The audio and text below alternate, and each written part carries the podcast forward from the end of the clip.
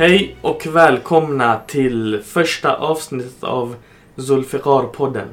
Som handlar om världsanalys ur ett politiskt, religiöst och historiskt perspektiv. Jag är er värd, Esan. Författare, filosof och poet. Och idag, den 3 januari, är det mest sökta på Google relaterat till händelseutvecklingen i Irak. Idag har vi med oss Mikael, muslimsk konvertit, ingenjör och föreläsare. Hej. Och Feras, politisk opinionsbildare och mellanösterkännare. Hej hej. Och Feras, du har bevakat den senaste händelseutvecklingen i Irak som enligt dig inte skildrats i sin helhet. Mm. Jo, det stämmer. Jag läste lite inlägg och insändare och eh, debatt och ledarsidor i morse i Sverige för att ta del av hur man eh, resonerade och bevakade händelserna.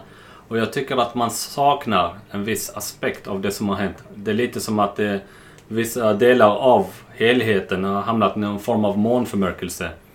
Till exempel att amerikanerna går ut och hävdar att det som skedde där, de, för er som inte vet vad som har hänt, så har de dödat den högsta militära ledaren i Iran som var på besök i Irak på inbjudan av den irakiska regeringen, till skillnad från amerikanska styrkor i andra delar av världen. Eh, och man likviderade honom och detta tillsammans med en annan irakisk stor ledare som man förminskar lite i media genom att kalla milisledare, medan han egentligen är en hög befälhavare. Och när man tittar på och tar del av den här förmedlingen i medierna som vi ser så pratar de endast om att de här har dödats och eh, de dödades för att de är terrorstämplade av USA. Eh, och att eh, USA har rätt att ta till detta för att man köper det USA hävdade innan att de planerade att döda amerikanska lik. Så USA i själva fallet blir vad? Både den som anklagar, den som dömer och den som utdömer straff. Mm. Det är alltså toppgeneralen i Iran, Qasem Soleimani. Precis. Och eh, Abu Mohandes. Abu Mehdi Mohandes. Abu Mehdi Mohandes. Eh, vad har han för roll i Hashd Shabi? Han var vice eh, ledare för Hashd Shabi som är den folkliga mobiliseringen som kom till efter 2014. Som även i västerländska termer, eh, som till exempel i Guardian ledarsidor, har eh, tillskrivit segern över Isis, som man där nere kallar för Daesh. Att de här för irakiska armén, som de flesta vet, som tog del av händelserna då, de flydde från Mosul, övergav den andra största militärbasen i landet och la benen på ryggen och sprang iväg. Och de här uh, folkliga styrkorna mobiliserades bland folk som bara fick en till två veckors utbildning. Men till skillnad från det militära så kompenserade de med viljan att försvara sitt land och sig själva. Och de tillskrivs uh, det här segern över Daesh och han var ledare för dem. Så den här folkliga rörelsen, eh, PMU tror jag det kallas bland många nyhetsmedier, var alltså ett svar på Isis befästning i Irak. Precis. Mm. Och eh, Abu Mahdi Mohandes var en ledande figur där. Yeah. Vad var eh, Qasem Soleimanis roll där då?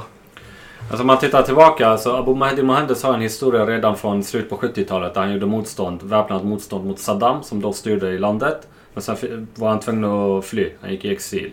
Eh, Qasem Soleimani kom in i landet när Isis attackerade och tog över Mosul. Och detta berodde på att irakiska regeringen då under Maliki bad amerikanerna om stöd. Men amerikanerna hävdade på den tiden att vi behöver bygga en internationell koalition för detta först, vilket skulle dra ut på tiden. Eh, så det Qasem Soleimani gjorde är att istället för att vänta på en interna internationell koalition så samlade han trupper från Iran och, som fungerade som rådgivare för den här nya mobiliseringsarmén. Så han åkte dit med den erfarenheten han har från Iran-Irak-kriget och även gerillakrigsföring i andra delar av världen. Tog han det med sig och utbildade irakerna i detta för att de ska kunna försvara sig själva. Till den graden att en av de stora militära ledarna i Irak 2015 sa det till västerländska medier när han satt i en intervju. Hade det inte varit för Qasem Soleimanis stöd och rådgivning så hade den här nuvarande regeringen, då pekar han på Abadi som var premiärminister, de hade fått styra Irak från exil. Mm. Vad har din du har säkert också följt de här eh, nyheterna. Mm. Vad har din eh, titt på det hela, eller din upplevelse varit av skildringarna av senaste timmarnas händelser, Mikael? Mm. Jo, självklart är det ju en omskakande upplevelse eh, som man vaknar upp till eh, när man ser dessa nyheter. Eh, det är en världsnyhet. Eh, och inte bara religiöst betonat utan eh, internationellt betonat från alla typer av medier eh, oavsett inriktning eh, vad det gäller tro, eh, politisk uppfattning och så vidare. Världen vaknar upp till ett tillstånd som är allvarligt enligt många. Det är en viktig personlighet som har gått bort. Och det är mycket nyheter och det är en del förvirring kring vad som stämmer i dessa nyheter och exakt hur eh, saker och ting hänger samman. Så jag tycker just det här med förklaringen som eh, Firas nämnde här nu eh, som en liten bakgrund kring det hela eh, sätter ett annat ljus i det hela, hela situationen och eh, även eh, just förståelsen för varför eh, de här personerna var så viktiga. Eh, själv personligen så känns det eh, väldigt tragiskt det som har hänt. Eh, som religiös eh, troende eh, så är det någonting som berörs inom en. För just det här med martyrskap och annat är ju någonting som berör väldigt mycket eh, och väldigt många. Eh, så det är någonting som eh, jag personligen kände av och berördes av under morgonen och under hela dagen. Det är ju väldigt många just nu på gator. I, vi har sett bilder från Iran är det tusentals. Eh, hyllad som en nationell hjälte. Irak. Det har varit många personer i olika delar av världen, till och med i mm. Kashmir. Eh, även personer som har som inte stödjer eh, Irans politik eller den Islamiska republiken har gått ut med bilder på bland annat Soleimani och deltar i sorgeceremoni och så vidare. Hur kommer det här sig? Eh, vad tror du Mikael? Vad är det som har hänt? Ja, men jag tror ju absolut han har varit en väldigt viktig person för väldigt många. Även om vi i västerländsk media inte har hört så jättemycket om honom eh, förrän eh, den sista eh, delen av eh, eh 2018, 2019 eh, kanske. Så är det ju absolut så att han har ju varit en drivande kraft i eh, eh borttagandet av Isis och eh, förminskandet av deras makt och eh, skulle man nästan kunna säga utplånandet av deras eh, kalifat totalt. Så att självklart så har han en väldigt viktig och stor roll och en väldigt hög betydelse. Eh, jag tänker särskilt på i, eh, många av de här minoritetsgrupperna som var väldigt förtryckta under Isis styre. Eh, men jag tänker också på de nationer som var under eh, ockupation från eh, den här kraften och den här samlingen individer som, som man ändå får säga var från alla håll och kanter i världen. Så absolut så tror jag att det här är en väldigt viktig betydelse av en betydande grad när man, om man tittar runt om i världen. Folk som inte nödvändigtvis är religiösa Eh, men som har sett att eh, genom hans agerande och handlingar så har eh, den här terrorismen motarbetats. Men om man kollar på nyheter idag. Eh, han skildras i dagens nyheter som en person ur ett europeiskt och amerikanskt perspektiv som en ond general. Medan i ett mellanöstern perspektiv så skildras han som en hjälte. Har det alltid varit de här tongångarna för oss? Hur var det under när Isis var som starkast? Var det samma tongångar då? För det finns ju rapporter bland annat om att han har stridits indirekt sida vid sida. Inte sida vid sida med USA men på något sätt har de haft en gemensam fiende de har eh, bekämpat. Eh, har det varit samma tongångar i media då kring honom? Jag skulle inte vilja säga att det har varit på samma sätt men han har ju varit eh, på den amerikanska terrorlistan sedan åtminstone ett årtionde tillbaka.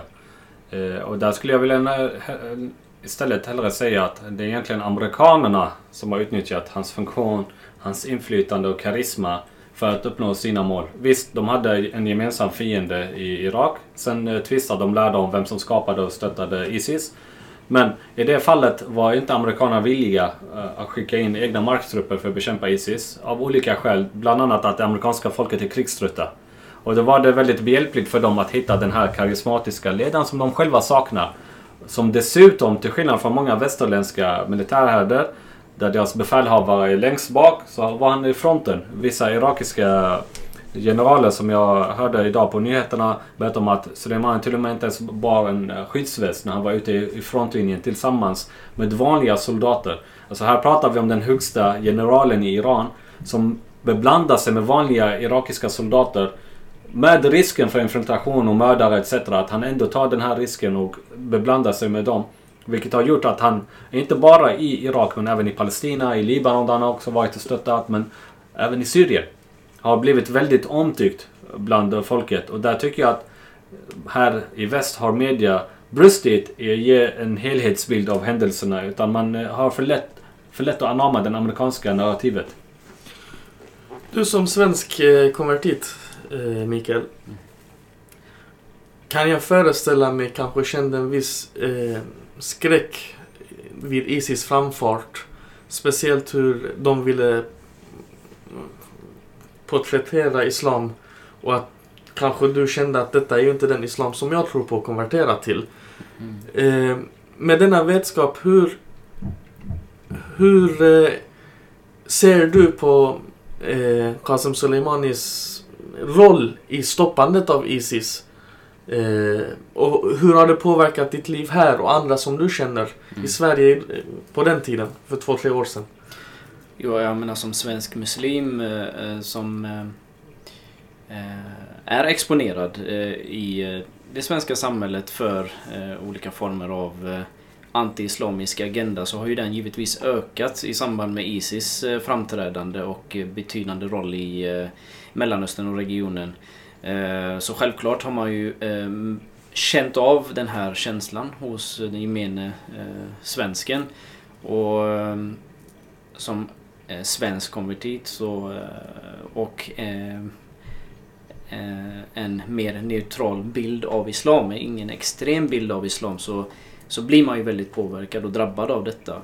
Eh, så Qasem Soleimanis roll i, eh, i, i syfte att motarbeta den här kraften är ju av extremt viktig eh, betydelse både för mig som svensk konvertit och för alla muslimer i världen oavsett eh, inriktning skulle jag vilja påstå. För just den här frågan om extremism oavsett om det är religiös eller eh, politisk sådan så är den ju väldigt farlig i ett samhälle. Och Oavsett om man är muslim eller troende eller icke troende så är det ju en väldigt viktig fråga. Och någonting man inte vill bli drabbad av. Så självklart eh, var ju det ett ljus i eh, den mörka tunneln när eh, personligheter som eh, Qasem Soleimani och eh, andra eh, frivilliga själar eh, och individer eh, går ner och eh, bekämpar den här terrorismen som ändå Isis kalifat var.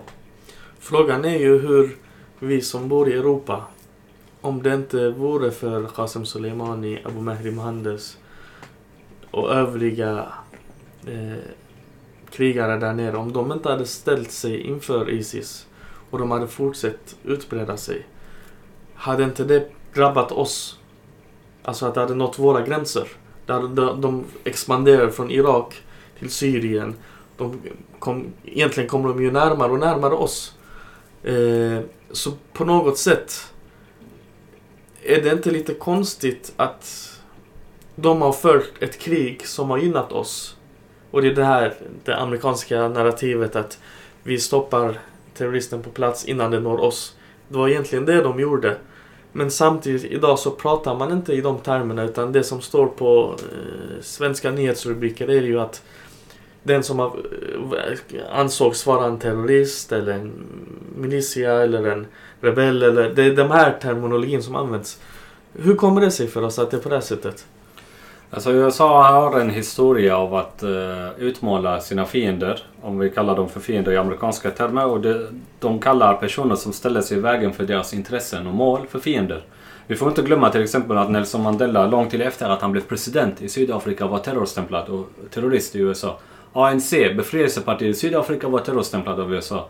Så jag vet inte varför vi behöver utgå från att USA har den absoluta auktoritära makten att stämpla eh, partier eller rörelser höger till vänster om skalan som terrorister. För om man, om man tittar på det här eh, drivet som amerikanerna haft det senaste årtiondet om att de vill sprida demokrati till exempel genom invasionen av Irak och Afghanistan. Men samtidigt är de allierade med den värsta diktaturen i området, vilket är kungadömet Saudiarabien. Samtidigt som de finansierar kungadömets förödande krig mot Jemen. Arabvärldens rikaste land bombar sönder och samman arabvärldens fattigaste land. Och där pratar man istället om att ah, nej, vi vill sälja vapen. Men vi har sagt till saudierna att de inte får använda dem. Eller att vi har sagt till dem att eh, ni får använda dem med moderation. Och då tänker jag, vapen används ju för att döda människor. Eh, de har väl inte köpt och spenderat så mycket pengar för att släppa ner missiler i vattnet. Eh, så det som händer här i USA tar sig rätten att stämpla rörelser som motverkar deras intressen. Till exempel det Qasem Soleimani gjorde i Irak. USA är tydligt inte nöjda med den utveckling som har skett i, i Irak. De, eh, av olika skäl ville de få till en förändring. Och den förändringen som har skett har inte varit tilltalande för dem. Till exempel nu innan protesterna började i Irak Eh, så var den irakiska premiärministern Abdel Mahdi han var i Kina. Han slöt avtal eh, som gick upp till en kostnad på 500 miljarder dollar. De ska investera i eh, infrastrukturen, bygga upp kraftanläggningar, tågspår etc. Och USA har redan från början sagt och varnat den irakiska regeringen för att det här är inte tillåtet. Vi vill att ni ska ha koppling till oss. Amerikanska företag ska sköta det. Problemet är med USA är att de tillåter inte deras eh, allierade länder att skapa samarbeten och utvecklingar med Ryssland, Kina, Iran. Men samtidigt hjälper inte de länderna att utvecklas heller. Så de behåller dem i en status quo. På tal om utveckling. Eh, jag tror inte de flesta känner till Qasem Soleimani ens. Vem var han? Vem var han före revolutionen? Vad hände under revolutionen i Iran? Och vad hände efteråt? Och hur kan han ha fått den här ställningen han hade som han har idag? Är han utbildad militär? Vad är hans färdigheter? Vad kan man berätta om honom? Ja, det är en bra fråga du ställer. Kort kan man ju säga att eh, Soleimani var son till en bonde i en eh, by i en av de iranska provinserna. Han var väldigt fattig. Familjen var så fattig till den graden att han i en ung ålder fick gå ut och jobba för att betala av pappans skulder. Eh, sen i samband med revolutionen så gick han med i det nybildade revolutionsgardet i Iran. Och det dröjde inte länge innan Saddam Hussein eh, anföll Iran. Eh, och USA och stora delar av världen gick in med fullt stöd till Saddam. De gav honom pengar, vapen, till och med kemiska vapen. Som han använde, eh, senapsgasen och så, för att bomba sitt folk med Iranier också. Fick han också från väst. På lån dessutom. Under det kriget utmärkte sig Soleimani dels för att vara väldigt karismatisk och inflytelserik för de som följde honom. Att, uh, han hade en karisma som tilltalade de omkring honom, ungdomarna, soldaterna som hade kommit ut i kriget. Och han var väldigt offervillig, precis som irakierna idag berättar om honom att han gick in i frontlinjen utan uh, skyddsväst etc. Så berättar gamla kamrater till honom från krigstiden om hur han infiltrerade fiendelinjerna bara för att uh, tillgodose deras behov och förnödenheter och så vidare när de hade brist på det. Och efter revolutionen, han, vi bör också nämna att han skadades allvarligt i en av operationerna, men han överlevde. Men han fick eh, men av det som man kunde se i vissa delar när han, eh, i ena armen.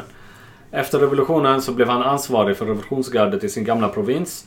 Och eh, sen i slutet på 90-talet, med tanke på de framgångarna han gjorde, han lyckades för den provinsen han bodde i var väldigt utsatt för drogsmuggling från, via Afghanistan och vidare till Europa. Han lyckades bekämpa det på ett så bra sätt att eh, han lyftes upp i iranska medier och så vidare. Den provinsen blev väldigt framgångsrik. Och förmodligen berodde det på de militära kunskaperna han hade erhållit. För vissa saker handlar inte bara om teori. Teori, du kan sitta och läsa en bok om eh, militära övningar. Han fick det live istället. Det är lite som man säger här i Sverige. Studera inte bara SFI. Prata. Engagera dig. Du får e- kunskap och erfarenhet den vägen. Och den vägen gick det hela vägen till att bli eh, ledare för elitstyrkan inom revolutionsgardet. Fram Mm. till hans martyrskap. Det är spännande. BBC skriver 6 mars 2015 huvudrubriken för en av sina artiklar General Qasem Soleimani, Irans rising star. De orden används inte idag av samma nyhetsmedier. Men man undviker också att använda, du inledde Mikael med att säga prata om martyr. Detta är ju en term som är djupt religiöst förankrad. Och i ett icke-religiöst sekulärt samhälle som vi lever i så ses det på lite grann med på något sätt negativt också. Att det är någon form utav det har en negativ smak i munnen helt enkelt. Man kan prata om att man dog för sin frihet, men att bli martyr för sin frihet, det är inte lika vanligt. Mm. Hur tänker du kring de här eh, termerna kring hans död och Abu, Mohandes, Abu Mehdi Mohandes död? Vad kommer det här innebära för regionen och för världen som stort?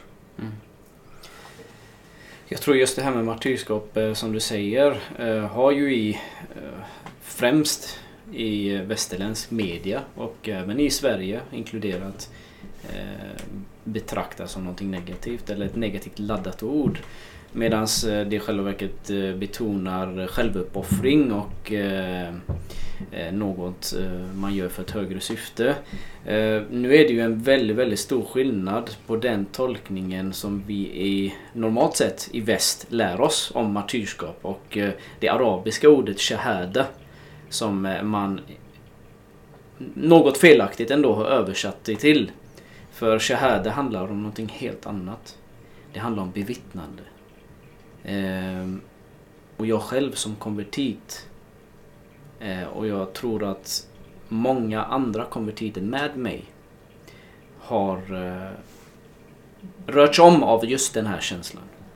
Eh, oavsett vad det är för nivå. Men jag tror att vi kan relatera till den. Det är en inneboende känsla som rör om din själ.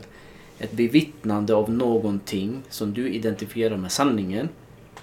Eh, och någonting som driver dig till att leva och agera ut efter det. Eh, som konvertit eh, skulle man väl kunna säga att det kan liknas vid en person som befinner sig i totalt mörker och finner ett ljus eh, och följer detta ljus. Shahada handlar om samma sak. Eh, men man skulle kunna säga att det är en betydligt högre nivå av Eh, bevittnande det här handlar om. Eh, alla vi människor söker efter en inre drivkraft. Eh, ett ljus så att säga, någonstans djupt där i vårt inre. När vi finner det ljuset, den här energin kanaliseras i handlan, handl, handlandet. Och det är just det här shahada handlar om. Kan man säga i den här allegorin du ger att mörkret skulle i så fall vara förtrycket eller orättvisan som man ser och vill agera ut efter den? Mm. Är det det du menar? Det skulle man absolut kunna säga. För om eh, man har sett någonting eh, som är bra, någonting som driver människan till att eh, eh, skulle man säga kanske driva människan på jakt efter lycka. Eh, så är det ju givetvis eh, en motsats till det. Mörker och förtryck, orättvisor Eh, och annat. Eh, så absolut så, eh, så är det att man som en person som har bevittnat något eh, som sant eller gott eh, strävar efter det och då i samband med denna strävan strävar efter att motarbeta allt som leder bort, eh, bort från det. Apropå det här så nämner den amerikanska filosofen Kostika Bradatan i sin bok Dying for Ideas The Dangerous Lives of the Philosophers publicerad 2015. Att genom liven och döden av fem filosofmartyrer, Sokrates, Hypatia, Thomas More, Giordano Bruno och Gian Patocca, undersöker den här professorn hur döden kan vara en filosofisk handling för filosofen och hur han kan utnyttja sin kropp som en text och genom att offra sitt eget liv kan driva fram en filosofisk sanning. En sådan martyrskap, menar Bradatan, upphöjer filosofen och höjer honom till den mystiska världen och således förstorar den intellektuella skugga som han lämnar efter sig på de kvarvarande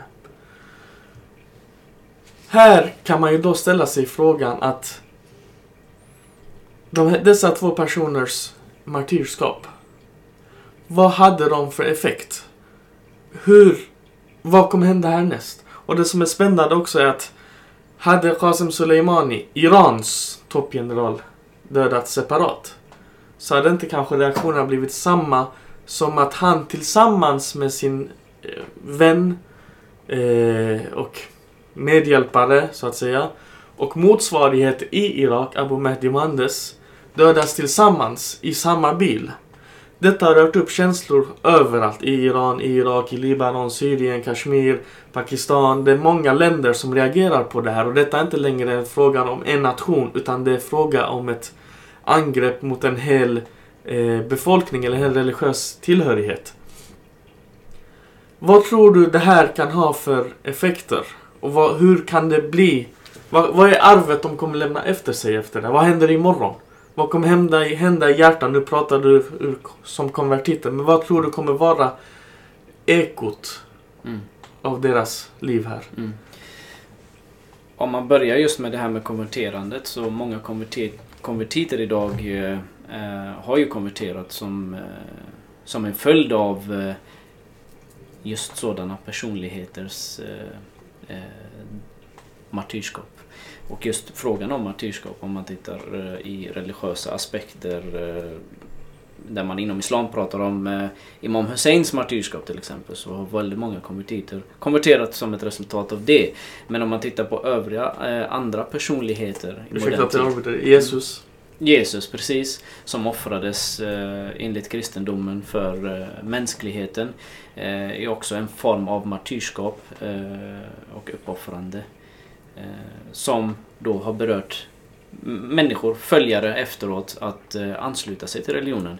Så i egenskap av ett martyrskap så säger historien oss att eh, fler människor eh, får upp ögonen för detta, börjar söka och i den här sökandet finner sin egen sanning och då ansluter sig. Så om man bara ska titta till historien så en effekt, en sån här effekt eh, av eh, sådana här stora personligheter kommer ju bara att mobilisera mer människor eh, och eh, att ansluta sig till eh, sanning, eh, eh, motsägande mot förtryck och orättvisor. Eh, och detta om något, eh, det, denna form av enande eller som man säger i eh, arabiska, islamiska termer, wahda är ju en effekt som man definitivt skulle kunna se eh, komma utifrån detta.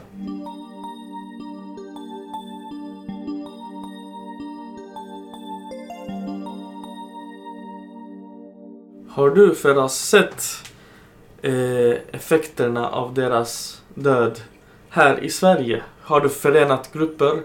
Nu vi har pratat lite grann om Mellanöstern, men vad har grupperingar i Sverige, vad har de fått för effekter av det här?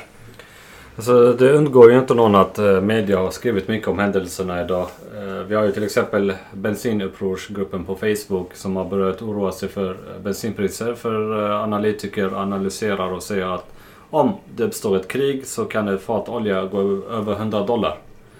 Eh, så den typen av oron finns. Eh, vidare finns ju vissa specifika grupper. Jag fick kännedom om till exempel Honeys and Bees-gruppen. Att den här frågan har även diskuterats där. Där det viss, finns en viss motstånd mot att USA eh, tog till den handlingen. Och vad jag vet av det jag har sett och hört om den gruppen så är det ingen politisk grupp. Men att det ändå finns ett motstånd mot detta visar ju hur verklighetsfrånvänt USA har blivit. Vidare ser man bland irakier som jag har följt lite online. Eh, det fanns försök kan man säga till att skapa en splittring. Eh, en vid mellan Iran och Irak. För efter att Isis kom in så blev de väldigt sammanflätade till den nivån att irakier började hylla, eh, sjunga sånger för Qasem Soleimani. Eh, hans bilder gick upp etc. Eh, så då försökte man genom de här rättfärdiga protesterna som bröt ut i oktober mot korruptionen i landet, som eh, är eh, rättfärdiga protester. Men USA kom öppet genom deras utrikesminister, deras ambassad i Bagdad, som förvisso är världens största ambassad där. Och det är inte för att irakierna söker så många green cards dit, till USA. Utan det finns säkert andra syften. De har över 5000 anställda där. Då var det väldigt tydligt att de försökte utnyttja protesterna till att skapa den här klyftan mellan Iran och Irak. Och viss mån lyckades de för de spred rykten om att ah, Soleimani har varit här, det är han som är ansvarig eh, för eh, de skjutningar som skedde och döden etc. Utan att presentera bevis egentligen. Det skulle inte ens hålla i en domstol. Eh, men vad, vad jag sett idag var att efter det här lönnmordet så verkar det ha skakat om Eh, dessa personer och personligheter som kanske var tveksamma till händelserna, till Irans roll, relationen mellan Iran och Irak, till att återigen vakna upp och se ah, men det var den här personen som kom till frontlinjen. Och han dog till och med i mitt land. Han dog inte ens i sitt eget land. Så han har ändå varit tillbaka där för att genomföra någonting, för att eh, rådgöra någonting. Och han har kommit på inbjudan av min regering. Så jag upplever på något sätt att efter första dagens eh, nyhetsupptagning etc. att hans död har ändå lyft upp och återställt bilden av honom bland vissa irakier som USA ville förstöra. En annan aspekt av detta som är viktigt är också att han har lyfts upp och gestaltat eh, den här självständighetsförmågan hos massorna i området. För USA har ju sin Hollywoodproduktion som producerar ut massor med serier, filmer om hur de är världshjältar etc. Det, det är den världsordningen de har, the new world order som Bush, George Bush senior pratade om. Men här har vi en eh, person som inte är amerikan, som är lokalbo i området, som har lyckats tillsammans med andra lokalbor, irakier etc. Eh, störta och försvaga och bekämpa den största terrorgruppen i mänsklighetens historia. Oavsett när det gäller antal, vapen, teknik, grymhet etc. Så den här, det han har gjort, han har ju rubbat den amerikanska världsbilden där de har varit världspoliser. Oavsett var konflikten sker i världen så ska de komma och rädda den. Här har han lyft upp att vi klarar oss själva. Det har ju också varit till hans fördel. Och det tredje tror jag också som har påverkat folk är att USA tog inte honom i krigsfältet.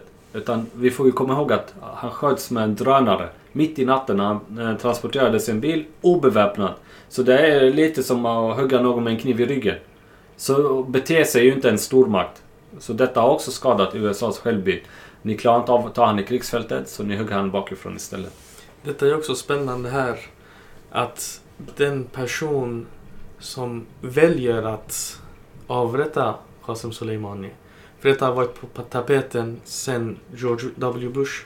Att de har velat döda honom men har avvaktat och av olika skäl inte vågat eller inte gjort det. Men att idag ska den mest hatade presidenten i världen av både amerikaner och västerlänningar och österlänningar, alltså mest hatad egentligen. Han är ju inte alls populär, när Trump. Att en sån person ska döda en som ses vara en stor hjälte i regionen av eh, den lokala befolkningen, eller de som bor i regionen. Detta är också en spännande liknelse hur den mest hatade ska attackera den mest älskade. Detta förstärker ju eh, bilden av eh, en martyr helt enkelt.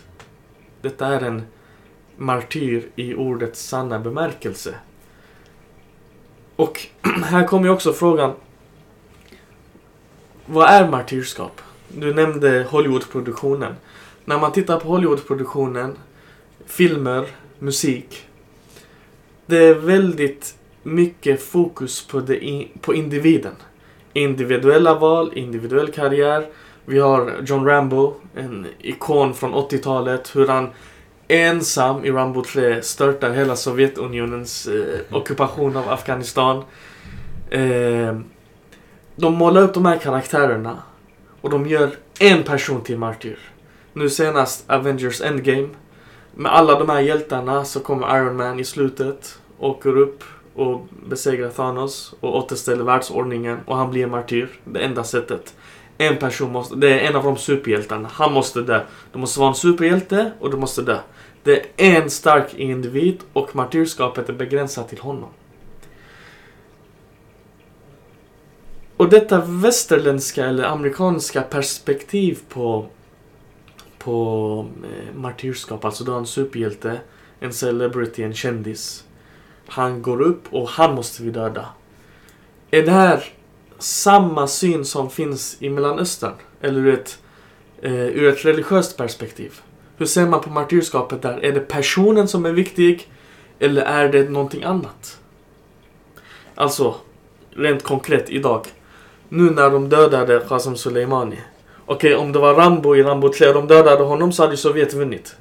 Men idag, när de dödade Qasem Soleimani, betyder det här slutet för eh, USAs motståndare?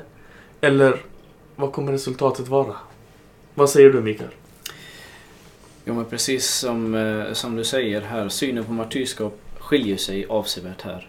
Eh, inom religiösa eh, kretsar, eller om man skulle säga inom eh, Islam, så är martyrskapet någonting mycket större. Vi pratade, jag var lite inne på det här med bevittnande tidigare, eh, i egenskap av shahada.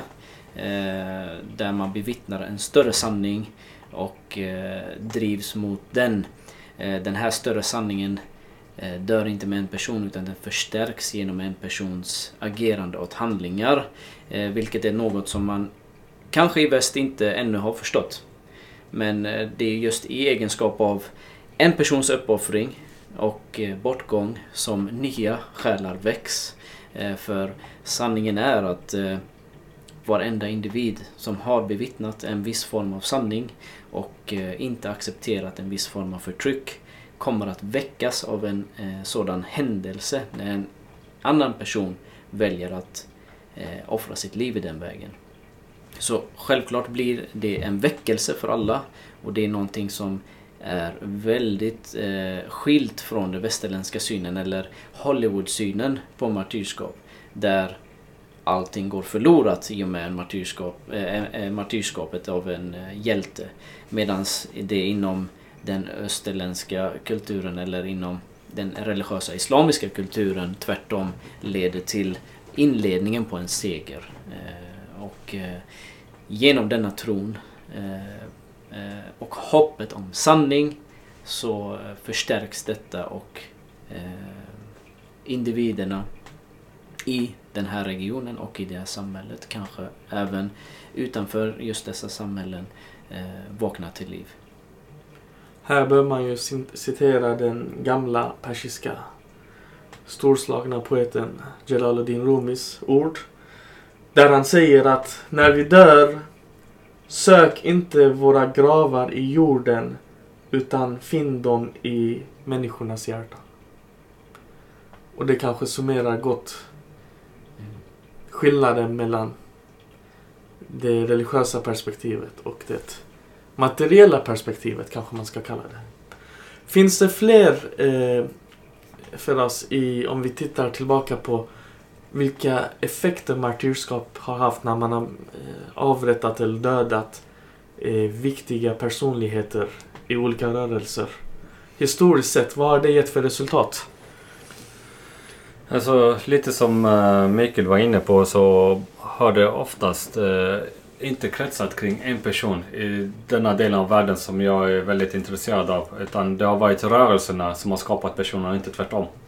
Och eh, där förundras jag varje gång över varför. Och det är en gåta jag inte lyckats knäcka själva. Varför amerikanerna inte lär sig. För det är inte första gången de dödar en stor ledare, militär eller karismatisk ledare i regionen utan att få det resultat de vill. Utan det blir motsatt istället.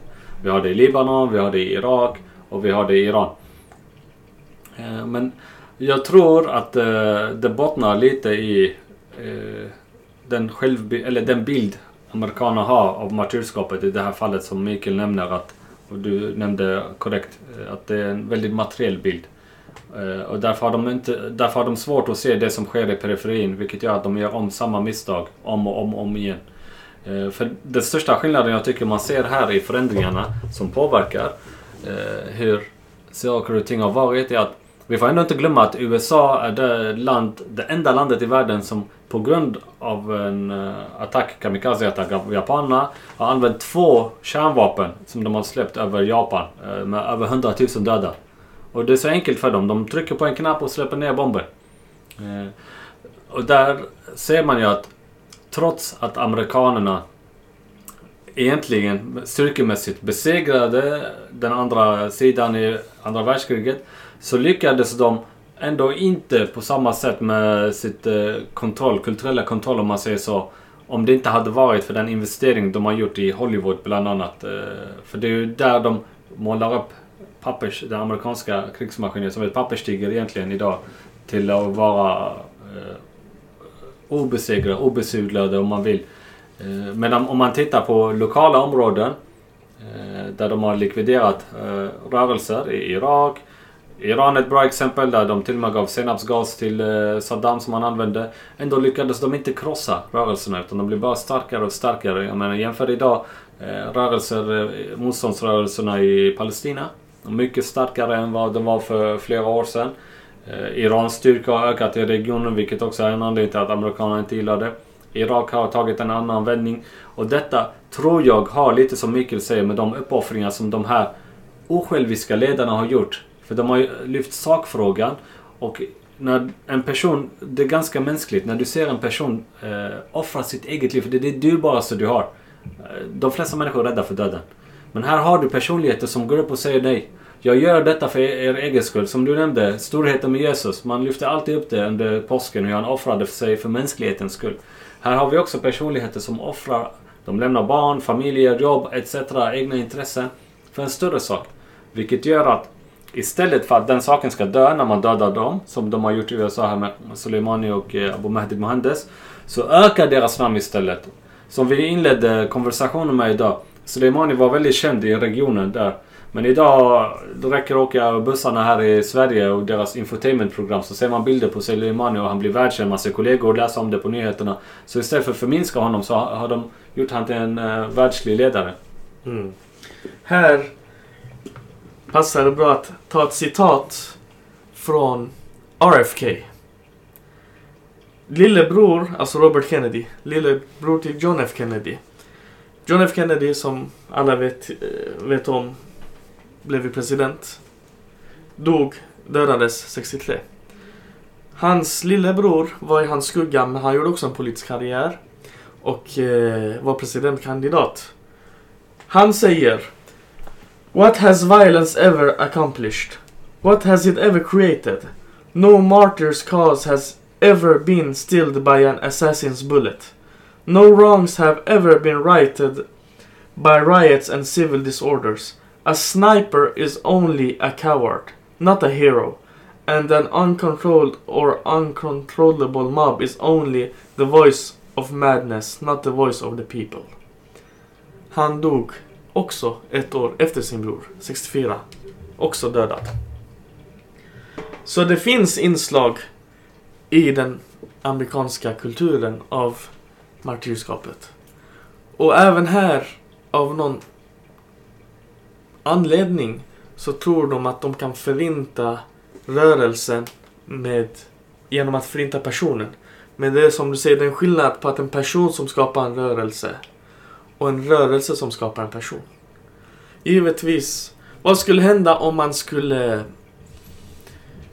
korsfäst Jesus enligt det kristna eh, narrativet innan han träffade sina lärjungar. Innan han ens var, innan han bara var en eh, snickare i Nasaret.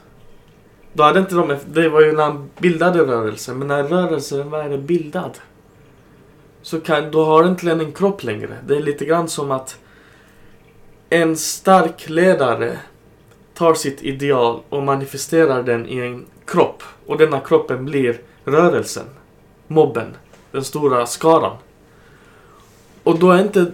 Då har den en egen själ. Den själen är inte längre bunden till honom. Det är som om man har överlämnat sig den. Och vad som händer när man angriper kroppen av den här ledaren och separerar hans kropp från hans själ. Det är som om det bara amplifieras. Det är som om man ansluter eller kopplar själen i rörelsen som är kvar på jorden till hans minne eller skugga i himlen. Lite grann som den här amerikanska filosofen eh, Brad, Bradatan var inne på. Och det är lite spännande. Och lite, ska man säga kanske magiskt, eller på något sätt. Att en martyr har så stark effekt att det skapar och livnär tusentals själar som innan var sovandes, som väntade men som när de får det här beskedet vaknar till liv. Jag tyckte det var en jätte, jätteintressant skildring du gjorde där just med att eh, effekten av martyrskapet eh, från en individ till en rörelse. Eh, när man tittar på de här handlingarna som amerikanerna nu har gjort så ämnar de ju till att så ett frö av tvivel och eh, Eh, förtvivlan hos anhängare av den här rörelsen. Medans i själva verket så har de genom att eh, bombardera den här kroppen frigjort den här rörelsen istället. Från en person till flera andra personer. Så det är en jättevacker aspekt och eh, betoning av just det här konceptet bakom martyrskap som man inte har förstått från amerikanskt håll. Jag, jag håller med. Jag kommer att tänka på hur man har resonerat kring eh, svar vedergällning. Vilket också handlar lite det här med, okej. Okay, om det är en person, du dödar den personen, han kanske har en fru eller barn som beklagar sig. Men man kan inte förvänta sig att döda en så stor ledare som Qasem Soleimani och sen säga nej men vi köper oss fria eller nu vill vi deeskalera. Det fungerar inte så, för nu är det inte en person du har dödat. Utan genom att slå honom så har du slagit till flera hundratusen människor. Och, och dessutom en så stor idol som Soleimani. Så i det här fallet renderar ju själva handlingen som USA har utfört eh, genom att likvidera Soleimani en vedergällning som kommer kännas mycket starkare för USA än om de hade likviderat honom när han var okänd person i likheten med Jesus till exempel. Ja. Framtiden får se vad som kommer ske men om vi börjar summera och avrunda lite grann. Vad tror ni kommer hända härnäst? Alltså, helt klart, eh, de flesta är överens om att något, någon form av svar kommer komma. Eh, jag menar, förra sommaren bevittnade vi stora världshändelser där USA kränkte iransk luftrum. Och världens dyraste drönare, den kostar över 200 miljoner. Det är två F16-plan. Den sköts ner med hemmagjord iransk missil som kostar runt eh, 20 till 30 000 dollar. Eh, och det var bara för att den kränkte Irans luftrum några sekunder eller minuter, det var, det var sa. Efter det, en månad efter det så kidnappade britterna iransk tankfartyg. För de sa vid Gibraltar med olja, den skulle till Syrien och då sa de att ja, men det bryter mot EUs eh, sanktionsregler. Eh, trots att de själva vet om att EUs sanktionsregler bara gäller för EU-medlemmar och Iran är inte EU-medlem. Och Iran påtalade detta, de hade tålamod en månad. Och sen gav de svar på tal. Och här pratar vi ändå om materiella saker. Nu har de lönnmördat den största generalen i Irans armé. Eh, och otvivelaktigt kommer ett svar komma. Det är lite som han eh, Soleimani citeras har sagt själv innan att eh, Amerikanerna har rätt att starta kriget men det är inte de som bestämmer när kriget slutar. Och här tycker jag vi här i väst som inte bor i USA bör ta detta i åsikt, i denna åsikten i åtanke och trycka tillbaka USA. För det är de som håller på att tända en världsbrand. Vi kan inte komma och säga till den som har blivit mobbad och slagen att ah, men du får inte ge igen. Det är ingen som hade accepterat det. Hade västvärlden resonerat på samma sätt om det hade varit en amerikansk general eller utrikesminister i ett annat land som Iran hade likviderat? Ingen hade köpt det. Nu har USA tagit steget och de kan inte ta tillbaka det. Iran har all rätt i världen att svara och ett svar kommer komma om man känner iranierna rätt. Och inte bara det. Eh, om man tittar på möjligheten och rättigheten till ett eh, fysiskt svar eh, så, så får man även titta på den aspekten av hur martyrskapen av de här två personligheterna ändå för individer samman. För det var två personligheter, en från Irak, en från eh, Iran, av deras högsta befälhavare, som eh, har betydit så väldigt mycket i frihetskampen mot en terrororganisation. Eh, den energin och kraften som de levde i och under under hela sitt liv, dag och natt.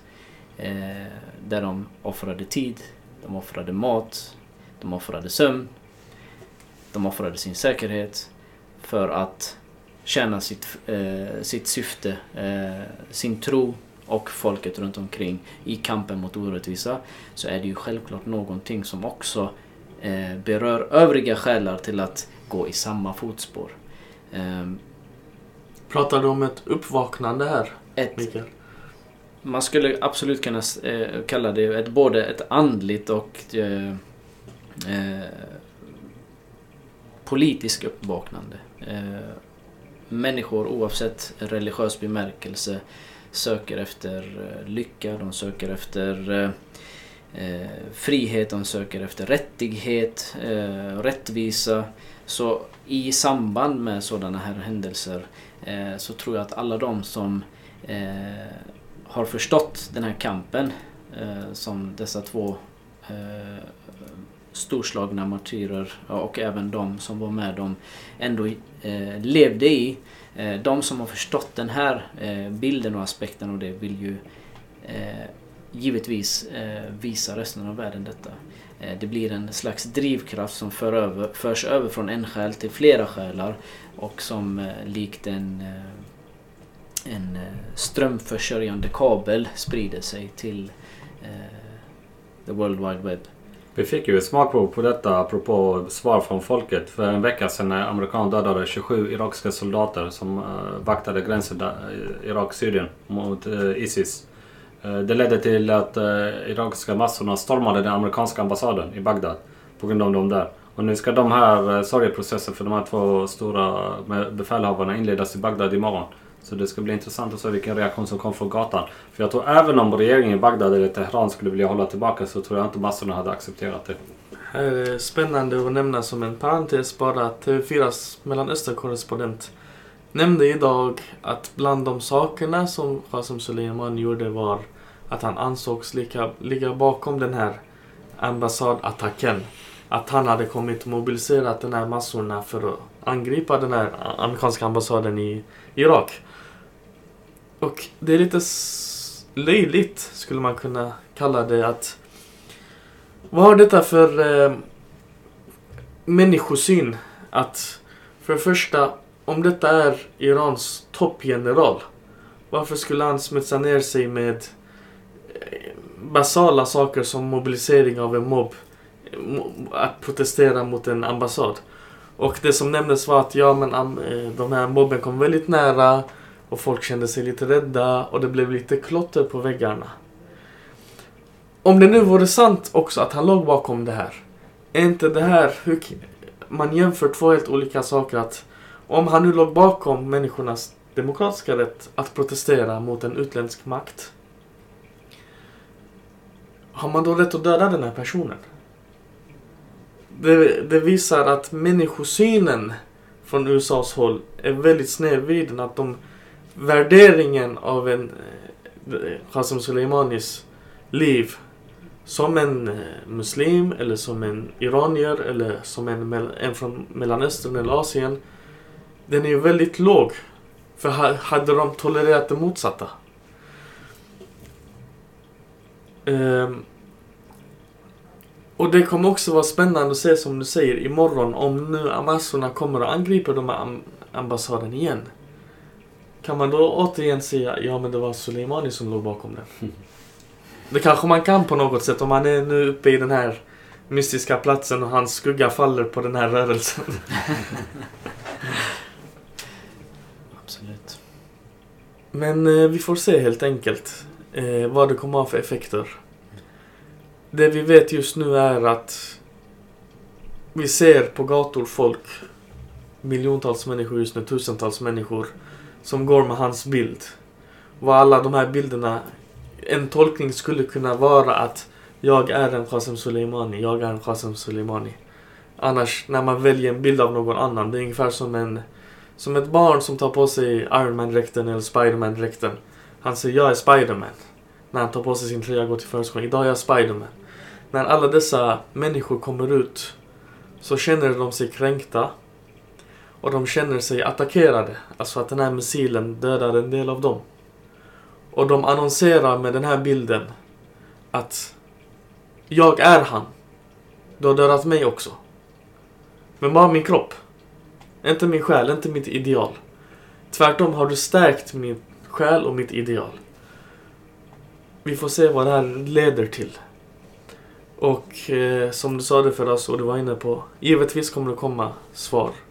Vi fick rapporter om att Irans högsta andliga ledare har för första gången på många år deltagit i det extrainsatta eh, mötet som säkerhetsrådet hade. Han har inte varit deltagit i de här mötena förut, vilket vis indikerar att det är väldigt allvarliga diskussioner som försiggår. Vi vet att eh, detta kommer leda till ett svar, ett militärt svar. Men vi vet inte riktigt vilka konsekvenser det kommer ha på folket.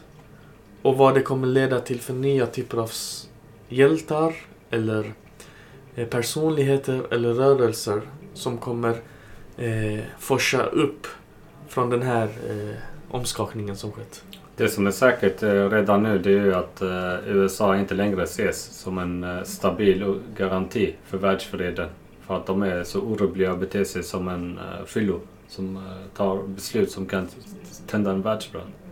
Det här är ju roligt också att i sitt brev till eh, Trump sa ju just Qasem Soleimani Trump, din gambler, Mm. just den här. Det är ett lotto, det är en chans. Du vet inte riktigt var du har honom. Han gör Mm. mycket saker som inte är passande för en person med den makten som sitter på en knapp för kärnvapnen. Det, en sån person ska vara eftertänksam, inte en gambler. Och så fortsätter han med att du startade kriget. Men vi väljer när vi ska avsluta den. Och det är spännande att han just ger det här orden till Trump. Han startade kriget genom att döda honom. Men han kommer inte avsluta den. Det ska bli jättespännande att följa den här resan som vi har framför oss. Och eh, jag tror definitivt att i samband med den, dessa händelser som har varit att eh, många människor kommer att eh, visa sig. Och eh, precis som han var en okänd och namnlös soldat tidigare och på de senare åren visade sin ställning så kommer fler själar att göra detsamma i framtiden. Kan ni tänka er att vi är bara i 3 januari 2020? Året har precis börjat. Vi får se hur det kommer sluta. Och med de orden så avrundar vi, och avslutar första avsnittet av Zulfiqar-podden. Tack för att ni lyssnade. Om ni har tankar, kommentarer, någonting får ni gärna återkomma. Tills vi syns igen.